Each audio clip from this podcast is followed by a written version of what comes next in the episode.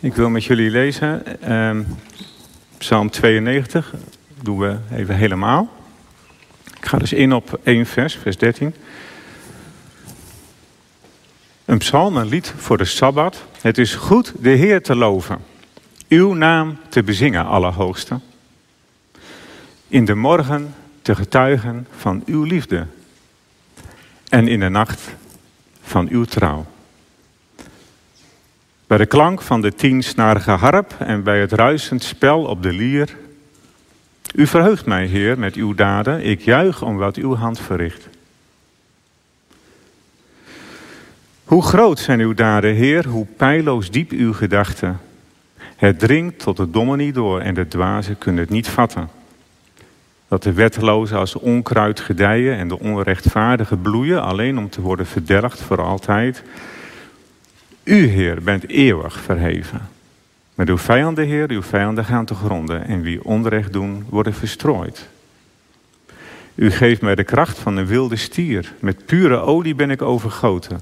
Mijn oog ziet op mijn aanvallers neer. Mijn oor hoort de angstkreet van mijn belagers. De rechtvaardigen groeien op als een palm. Als een ceder van de Libanon reizen zij omhoog. Ze staan geplant in het huis van de Heer. In de voorhoven van onze God groeien zij op. Ze dragen nog vrucht als ze oud zijn. En blijven krachtig en fris. Zo getuigen zij dat de Heer recht doet. Mijn rots, in wie geen onrecht is. Tot zover de Bijbellezing. Moet ik even mijn preek pakken, ja. Ken niet alles uit mijn hoofd. Bedankt.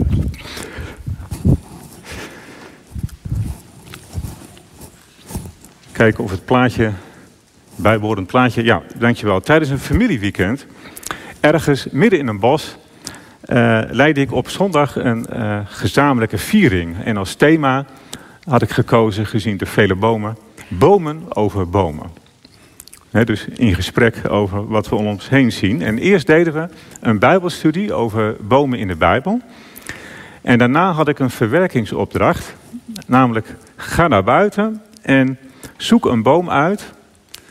En vraag jezelf af, wat herken ik van mijzelf in deze boom? En ga dan in gesprek uh, daarover met degene met wie je optrekt. Ik had van die groepjes gemaakt. En maak ook even een foto van jou met de boom. En dan komen we zo meteen bij elkaar terug in het huis. En dan gaan we dat even van elkaar horen en zien. En dat was een experiment, dat nooit eerder gedaan. Ik dacht, gewoon eens aardig. Maar dat was echt verrassend wat er gebeurde. De gesprekken tussen, uh, zullen we zeggen, oma en kleinkind, en, maar ook uh, ooms en tantes en neefjes en nichtjes. Alle leeftijden waren daar. En dat was ontzettend leuk.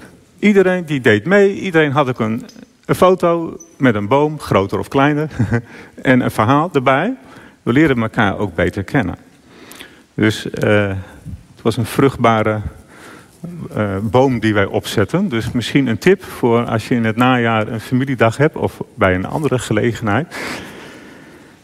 En met deze intro wil ik je aanmoedigen om aandacht te geven aan bomen op je pad. Op je wandelpad, bijvoorbeeld eh, in het arboretum, de bomentuin, in Doorn of op andere plekken. Sommigen van jullie kennen deze dame in de rolstoel. Boukje Doornenwaal, ze is mijn moeder. Ik ga vanmiddag weer naar haar toe in uh, de Lichtenberg, verzorgingshuis. Ze is ook lid van deze gemeente. En ze is dol op bomen. En eigenlijk zouden alle mensen dat moeten zijn. Als al dus de Grieks-orthodoxe monnik Nicophorus van Chios. Die vorige, eind vorige eeuw zei: Mensen zullen berooid worden. omdat ze geen liefde kunnen opbrengen voor bomen. If you don't love trees, you don't love God. Als je niet van bomen houdt, hou je ook niet van God. Nou, dat, dat is iets om over na te denken in deze tijd van ecologische crisis.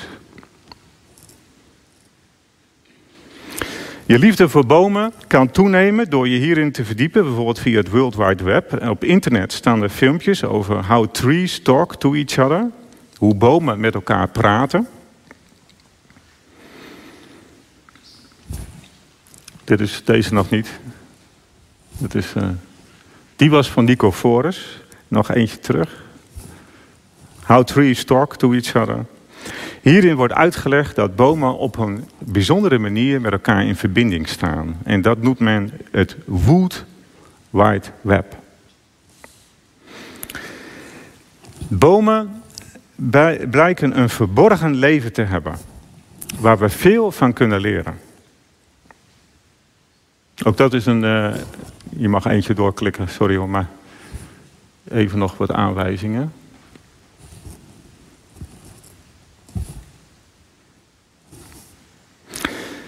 En ook in de Bijbel leiden bomen vaak een verborgen leven.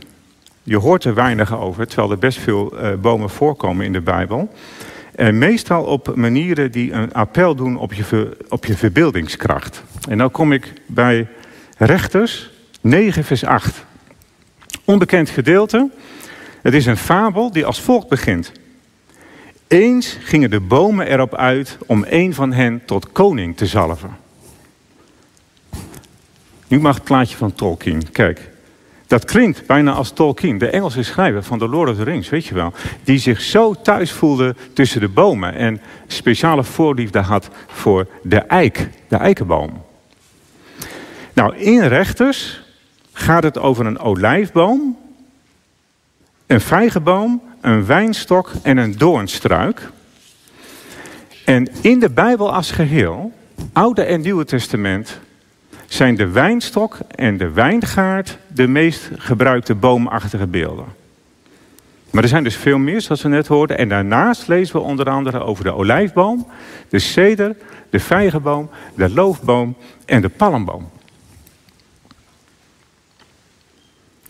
En de dadelpalm, dat is die palmboom in de Bijbel, die werd in houtsnijwerk afgebeeld in de tempel van Salomo. En volgens de overlevering, ik kan het moeilijk controleren, maar is de levensboom waar de Bijbel mee begint in Genesis en mee eindigt in Openbaring een palm. En het is die boom die we vanochtend gaan beklimmen. maar ik heb je even gevoelig willen maken voor nog veel meer bomen in de Bijbel. Het is echt een prachtig thema. Nou, een gemeentelid van de Lichtboog was enthousiast over het boek Groeien als een palm en ze gaf het mij te leen. En inmiddels ben ik ook ingepalmd. Het is een inspirerend boek. Vol wijze lessen naar aanleiding van Psalm 92, vers 13. Dat is, de rechtvaardigen groeien op en ze dragen vrucht als een palm. De rechtvaardiging, rechtvaardige volgelingen van Jezus, zo uh, vertaal ik dit naar onze tijd, die lijken op een palm. En ja, zo'n uitdrukking zeg je pas wat als je iets afweet van uh, de palmboom en dan specifieke van de dadelpalm. De palmboomfamilie kent wel 5000 soorten. Hè, maar de dadelpalm heeft bepaalde specifieke kenmerken, waardoor deze wordt gezien als beeld van hoe je jezelf als mens en als gelovige kunt ontwikkelen. En in het Oude Testament had men die kennis, He, men was omgeven door deze palmen. Maar vandaag moet je dat uitleggen. En dat is exact wat ik ga doen. Aan de hand van drie vragen. De eerste vraag. De rechtvaardigen groeien op als een palm. Hoe? Hoe groeit een palm? En als tweede, waar groeit de palm? En dan de derde, ja, wat verhindert de groei? Wat is de zwakke plek van de palm? Nou, hoe groeit een palm? Het antwoord is heel kort. Eerst diep en dan hoog. Op de dia zie je het merk van een boekdrukker. Een palmboom met een steen op de stam. De Latijnse spreuk cresco su pondere pressa, die op, dit, die op dit plaatje ziet, dat betekent ik groei onder het gewicht dat op mij drukt. Hoe zwaarder en groter de drukpers, hoe meer boeken hij kan produceren. En dat geldt voor een palmboom ook op een bepaalde manier. Voor een palm is het heel belangrijk dat hij een goed wortelgestel ontwikkelt. De palmenkweker hecht hier zoveel waarde aan dat een jonge palm vaak een zak over de kruin krijgt. Of zelfs een steen op de top. Zo wordt de palm gedwongen om alle energie eerst naar beneden te kanaliseren. Pas wanneer de wortels stevig genoeg zijn, dan wordt de zak of de steen weggenomen. En dan kan de palm ook boven de grond verder groeien. En ook dan blijft de palm eerst wat afgeplat.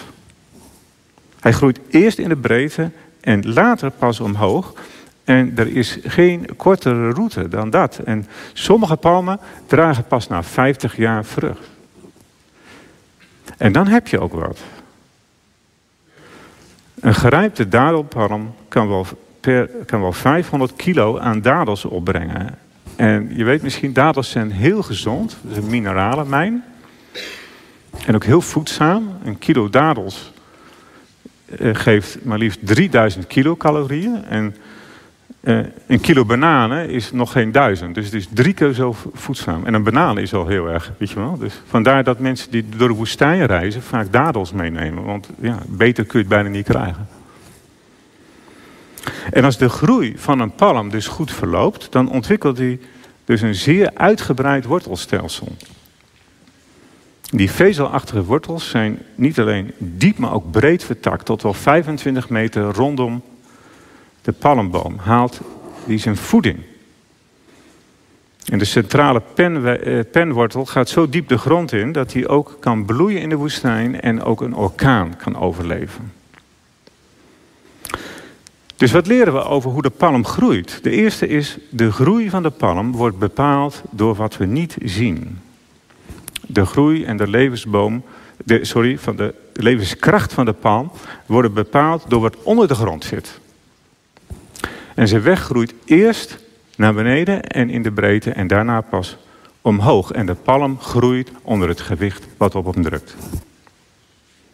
Het is goed als er in de jonge jaren een steen op hem ligt. Want dat maakt hem steviger en dieper verworteld. Nou, de groei van de palm wordt bepaald door wat we niet zien. En ehm, voor ons mensen geldt dit ook. Net als de palm hebben wij mensen een bovengrondse, zou je kunnen zeggen, openbare, zichtbare kant, maar ook een onzichtbare kant, eentje die ondergrond zit. En vroeg of laat komt de waarheid over je persoonlijkheid aan het licht. Denk aan Jozef uit het Oude Testament. als tiener werd hij door zijn broers in een put gegooid en vervolgens als een slaaf verkocht naar een vreemd land, ver weg van zijn familie. En dertien jaar lang had hij een zware steen die op hem drukte.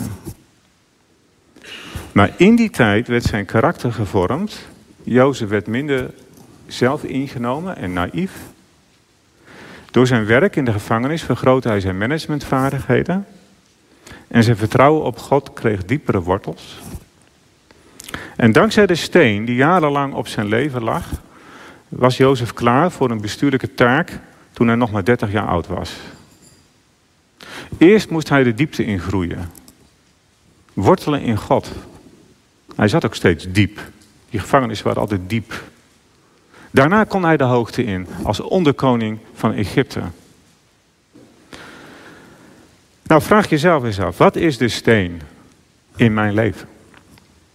Wat is die geweest vroeger? Welke steen drukt er nu op mij? Een geknakte gezondheid. Een slepend conflict. Een beschadigde relatie Zorgen over je kind. Er zijn zoveel drukkende stenen. Zoveel verlieservaringen ook.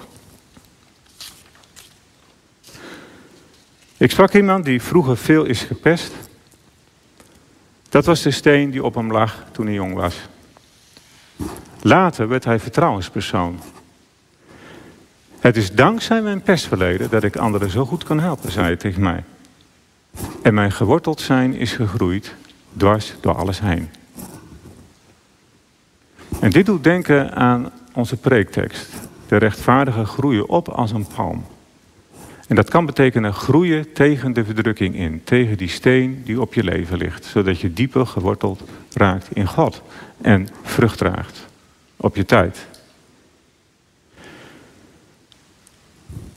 Tweede vraag. Waar groeit een palm? En dan hebben we het over de omgeving. En dat is best belangrijk. Er zijn drie mogelijke plekken waar een palm kan opgroeien. De eerste plaats is de plantenbak. Ik heb hier een foto, een oude, van het gebouw van de Christelijke Hogeschool Ede. Eh, met een palm, zoals je ziet. Ik heb er jarenlang gewerkt, dus ik ken het heel goed.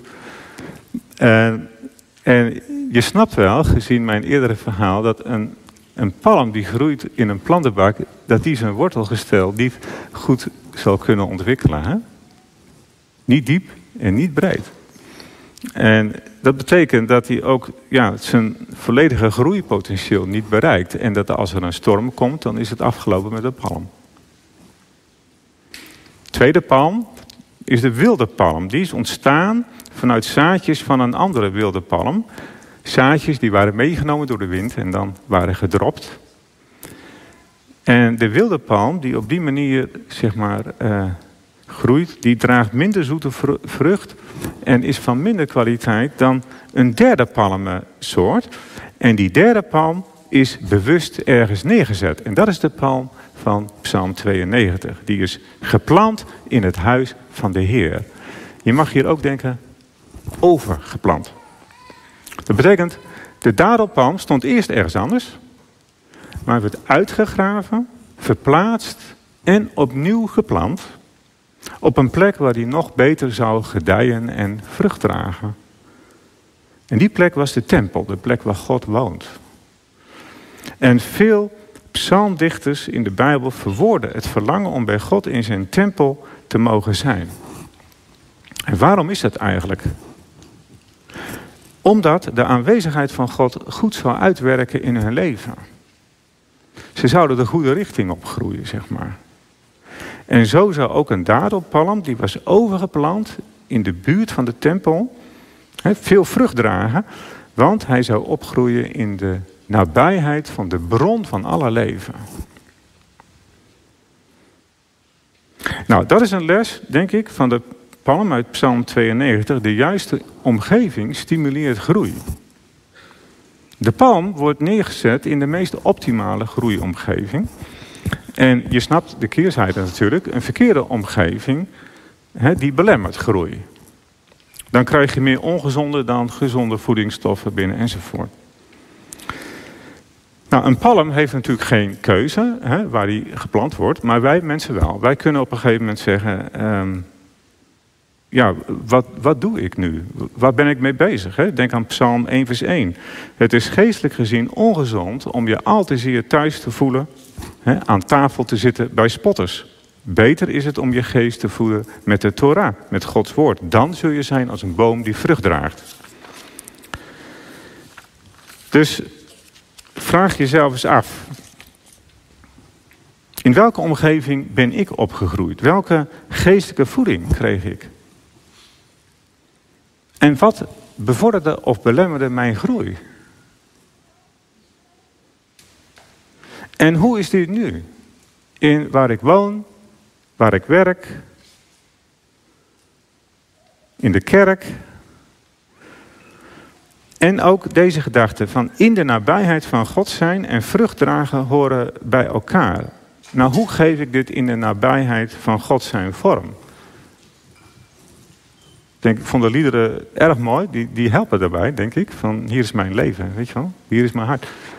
Maar hoe, hoe doe je dat ook in het dagelijks leven? Lukt dat een beetje? Lukt dat samen als gezin ook? Of heb je anderen met wie je dat kan doen? Hoe is dat in de vakantie gelopen?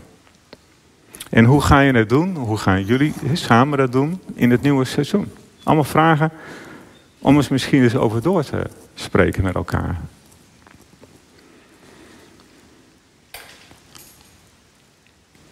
Laatste vraag die ik wil stellen van uh, wat belemmert de groei van de palm?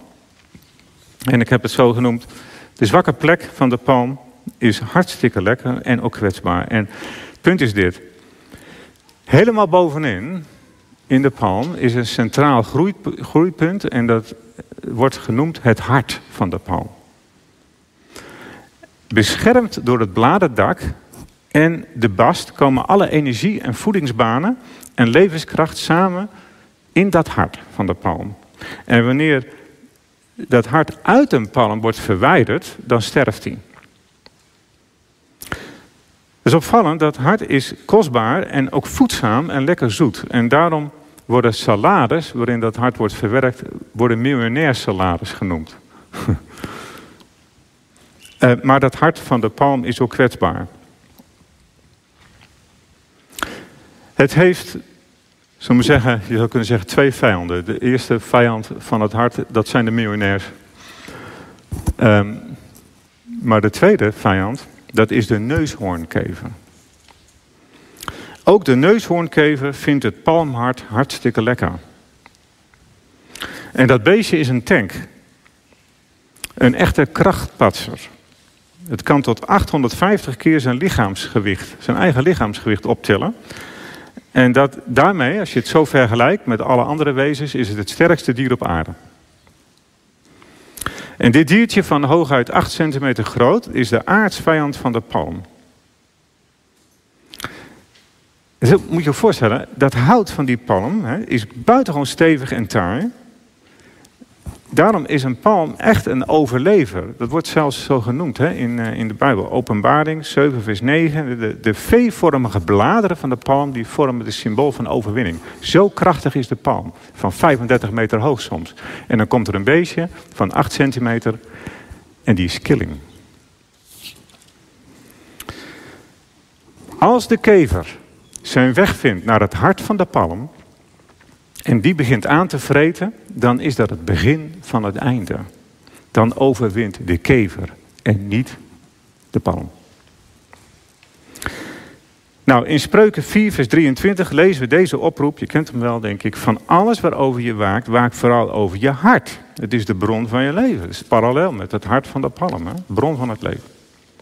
Maar het hart bedoelt Spreuken natuurlijk ons ja, de plek van onze diepste drives. Hè? Onze loyaliteit, onze keuzes ook.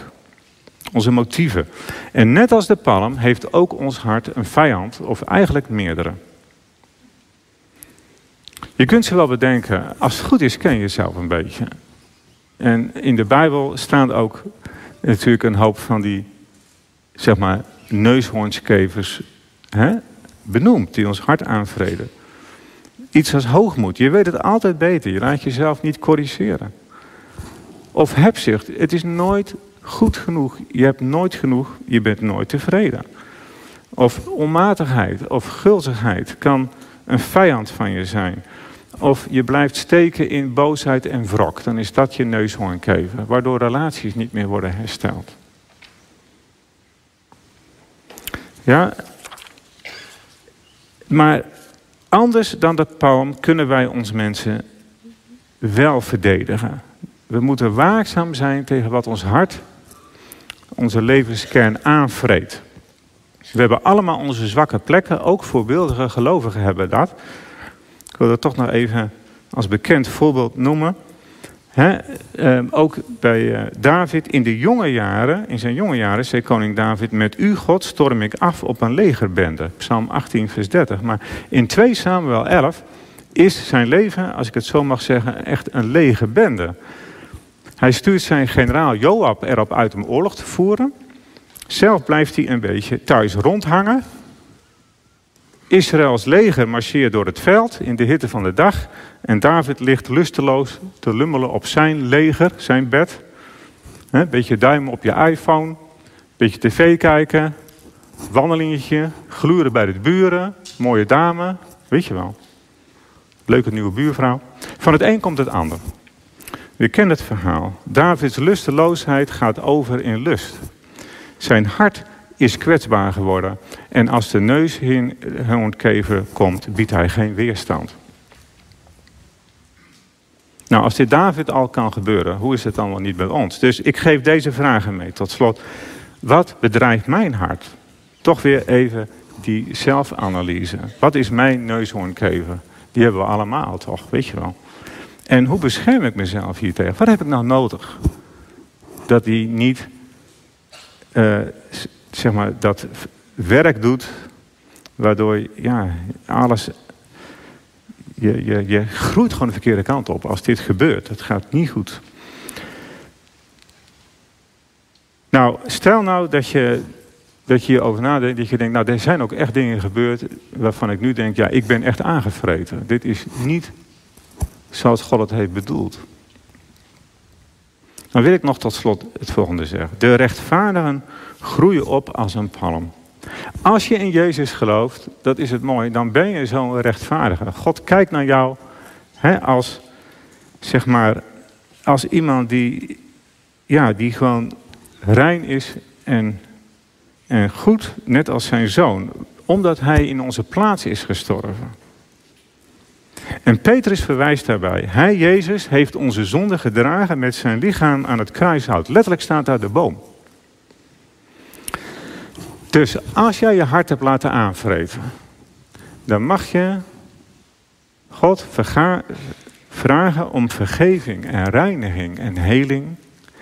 En je mag hem vragen om het verfrissende werk van zijn geest in je hart. En als je jezelf intussen voedt met Gods woord, dan zul je blijven groeien. Eerst diep, dan hoog. Je zult vrucht dragen op je eigen unieke manier. En ervan getuigen dat de Heer recht doet, onze God, in wie geen onrecht is. Amen.